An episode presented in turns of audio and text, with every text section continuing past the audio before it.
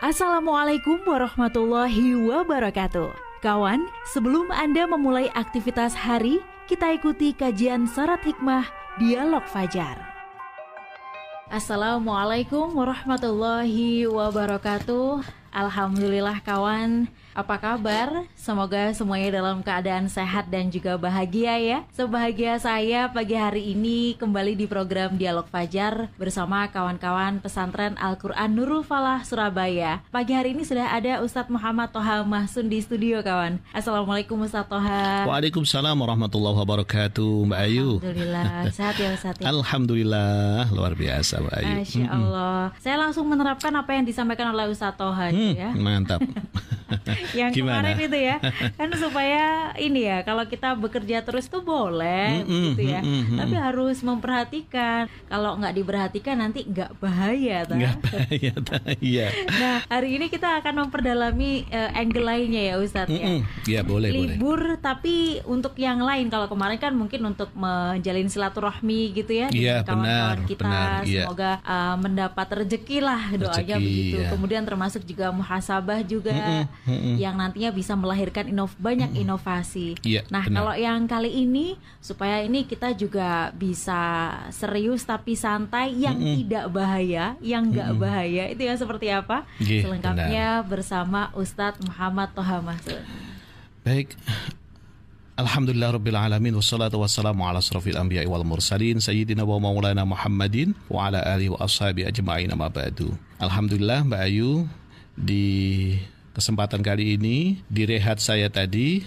Diberikan kesehatan oleh Allah Alhamdulillah. Tentunya kita juga mohon kepada Allah Semoga kawan-kawan Pendengar suara Surabaya Di mana pun Anda berada Diberikan kesehatan oleh Allah Subhanahu wa Ta'ala Kawan yang kita diskusikan ini memang menyenangkan ya. Istirahat rehat. Tapi rehat itu biasanya nggak nggak lama kok ya. Istirahat juga nggak lama. Iya. kalau libur baru lama ya. Iya. kalau rehat itu ya sejenak begitu saja. Sudah cukup lah ya saya kira. Rehat kita sebagai seorang yang apa bekerja kita sebagai seorang yang menjalankan amanah perusahaan menjalankan amanah lembaga tentunya ya rehat atau istirahat. Rehat kita yang kemarin alhamdulillah kita untuk kopdar sudah kita bahas bersama ya. Tapi yang penting kopinya dibayar loh ya. Jangan Iya. sampai utang kasihan nanti. Caca yang jualan kopi kasihan. Waduh hutang lagi ini kalau memang untuk muhasabah diri alhamdulillah bagus ya. Untuk rehat eh, memikirkan inovasi-inovasi, melahirkan inovasi baru di perusahaan kita. Kita sebagai pemimpin apa lembaga apa program yang belum kita lakukan, solusi apa dalam problem eh, di perusahaan ini itu adalah tugas kita dalam rehat kita. Tapi rehat yang ini kita coba dari angle yang lain Mbak Ayu dari eh, rehat yang isinya tentang ibadah ya kita isi dengan sholat ya persiapan untuk masa depan tentunya ya masa depan ini ya setelah kehidupan ini kalau sekarang ini namanya masa apa mbak masa masa la- sekarang. masa Oh, sekarang ya bu- usah, masalah. bukan masa lalu ya. Kalau masa depan itu biasanya ada rumah masa depan, ada ya Ayo, banyak iya, sekali betul. ya. Ya persiapan untuk ke sana lah kawan Iya, ya, meskipun kita masih muda, meskipun kita masih sehat, tentunya kita juga mempersiapkan untuk menuju ke sana. Semuanya cepat atau lambat, kita menyusul lama atau kita yang duluan atau kita yang eh, belakangan Mbak Ayu pasti akan menyusul ke sana. Kita sudah fahami bersama kawan. Nah, tentunya rehat kita itu istirahat kita sejenak untuk melaksanakan perintah-perintahnya Allah. Meninggalkan larangan-larangan Allah itu sudah pasti. Apalagi yang bapak-bapak tiap Jumat diingatkan sama khotib Mbak Ayu. Mbak Ayu nggak pernah Jumatan ya? Eh, iya di Iya. sesudah Jumat ya Ustaz. Oh sesudah Jumat. Kalau yang cewek kan, yang putri biasanya memang tidak diperintahkan untuk sholat Jumat Iya. Mbak Ayu. Kalau yang putra cowok-cowok memang diperintahkan dan selalu diperintah sama khotib diingatkan selalu untuk eh, menjalankan perintahnya Allah dan menjauhi larangan Allah. Ya seperti hanya sholat lima waktu itu ya.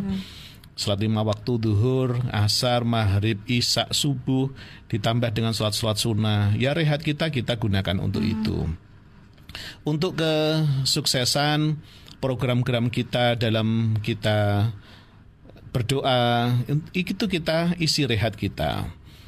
Kalau memang ada waktu yang masih ada dan harus kita sisihkan waktu hmm. itu untuk membaca kalamullah yaitu kalamnya Allah Subhanahu wa taala. Kalau saya menukil dari sebuah guru kita dari Kementerian Agama hmm. di salah satu wilayah di Jawa ini hmm. apa uh, sebaik-baiknya buku itu adalah Al-Qur'an. Ya Allah. Jadi buku itu semuanya baik ya Mbak Ayu ya, buku-buku bacaan semuanya baik. Ya. Apalagi yang buku yang masih belum ada tulisannya ya, buku tulis yang masih putih. Bagus itu ya. Tapi sebaik-baiknya buku adalah Al-Qur'an.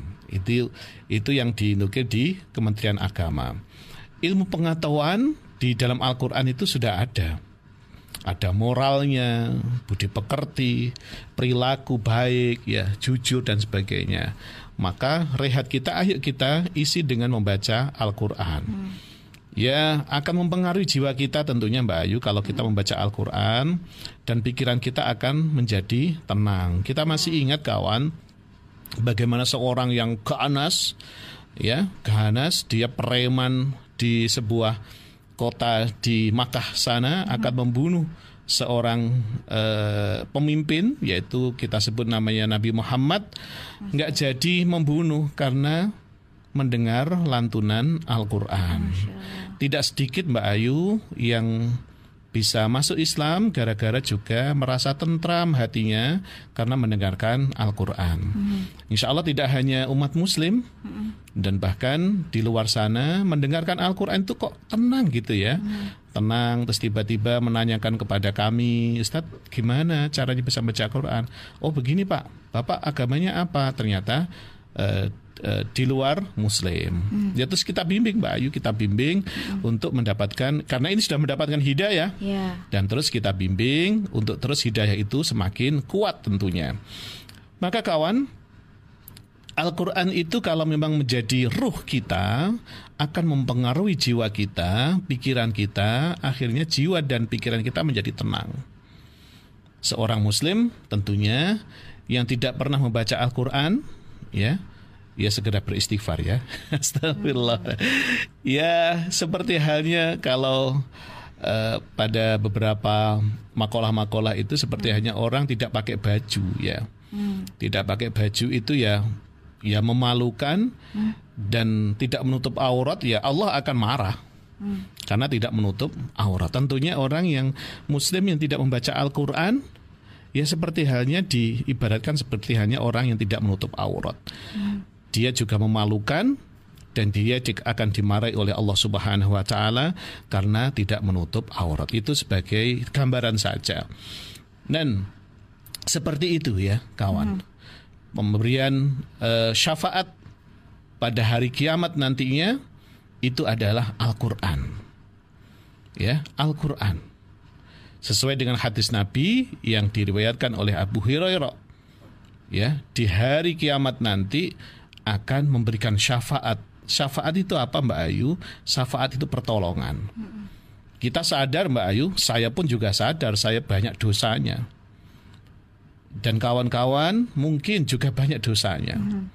Kalau yang tidak punya dosa kita boleh berguru Mbak Ayu ya. Ah, Siapa iya. kira-kira? iya, iya. Gak perlu syafaat nanti. Syafaat itu pertolongan. Karena dosanya banyak, seharusnya masuk neraka, bisa masuk surga. Ditolong sama Al-Quran. Nah, manfaatnya apa kawan? Kalau kita dalam rehat kita itu membaca Al-Qur'an sedikit atau banyak itu ukurannya tentatif ya. Masing-masing pribadi-pribadi silahkan. Ada gerakan namanya one day one juice silahkan monggo. Iya. Kalau itu merasa kita motivasi diri kita cukup ya lakukan silahkan. Kalau tidak memberikan motivasi akhirnya ya sewaktu-waktu kita baca Quran. Contohnya baca Yasin, Alif Lam Mim, Sadaqallahul Azim. Ini kebangetan Mbak Ayu kalau ini ya. Baca Quran cuma satu ayat. Iyalah, dibuat plesetan sama teman-teman itu ya. Apa manfaatnya kawan? Kalau rehat-rehat kita itu kita berikan manfaat pada diri kita untuk baca Quran. Kurang lebihnya suasananya di sekitar lebih damai. Ya kok enak gini ya lantunan Al-Quran ini setidaknya membuat kita itu lebih tenang teduh ya gitu. teduh gitu betul. bahkan ada uh, kawan yang berada di rumah sakit itu hmm. ceritanya tanya kepada seorang perawat loh, Mbak kerja di sini tuh enak Mbak. Oh ada enak ada tidaknya kata perawat ini.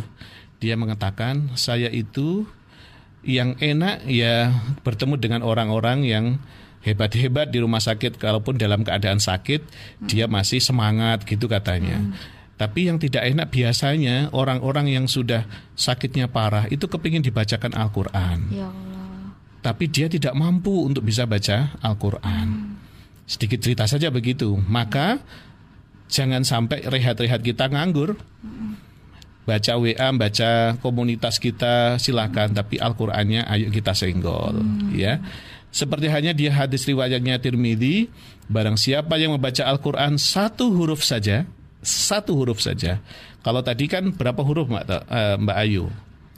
Uh, toha satu bisa ya berarti itu toha ya, ya dua iya, huruf ya dua huruf ya itu sudah kebaikannya satu hmm. satu huruf berarti berarti dua huruf kebaikannya dicatat sama Allah dua ya dua Terus satu kebaikan itu dikembangkan oleh Allah sepuluh balasan. Lah, sudah enak kan kita? Satu dibalas oleh Allah sepuluh. Eh, sepuluh. Itu sudah berapa? Berarti dua puluh kebalasan dari Allah, kebaikan dari Allah Subhanahu wa taala. Kita nggak membayangkan kawan. Berapa banyak butir ayat yang di dalamnya ada ribuan huruf. Kita nggak usah uh, ngambil segmen yang lain dari pahala yang lain dari pahala baca Quran sudah ribuan hmm. triliunan dari balasan Allah Subhanahu wa taala. Maka ayo jangan berhenti sekedar rehat, sekedar bengong-bengong saja ya. Hmm. Yang kedua kawan bisa membawa derajat dan wibawa terlebih baik. Derajat kita akan lebih baik kita masih diingatkan di media-media masih banyak ya. Hmm. Kita masih rindu dengan uh, sosok, sosok yang sangat menjadi bapak kita yaitu kita sebut saja almarhum Bapak Baharudin Yusuf Habibi hmm. ya. Seorang yang uh, cukup kita rindukan yang disebut dengan Bapak Dirgantara Mbak ya. Ya, uh, teknologi. Teknologi, Bapak. Bapak. Wah, kalau kita ini semoga ya ada ya yang terbaik ya. Amin. ya. Bapak uh, Mbak Ayu ini Bapak Ibu apa gitulah ya. Oh iya iya. Kalau Ustaz Toha bapaknya anak-anak.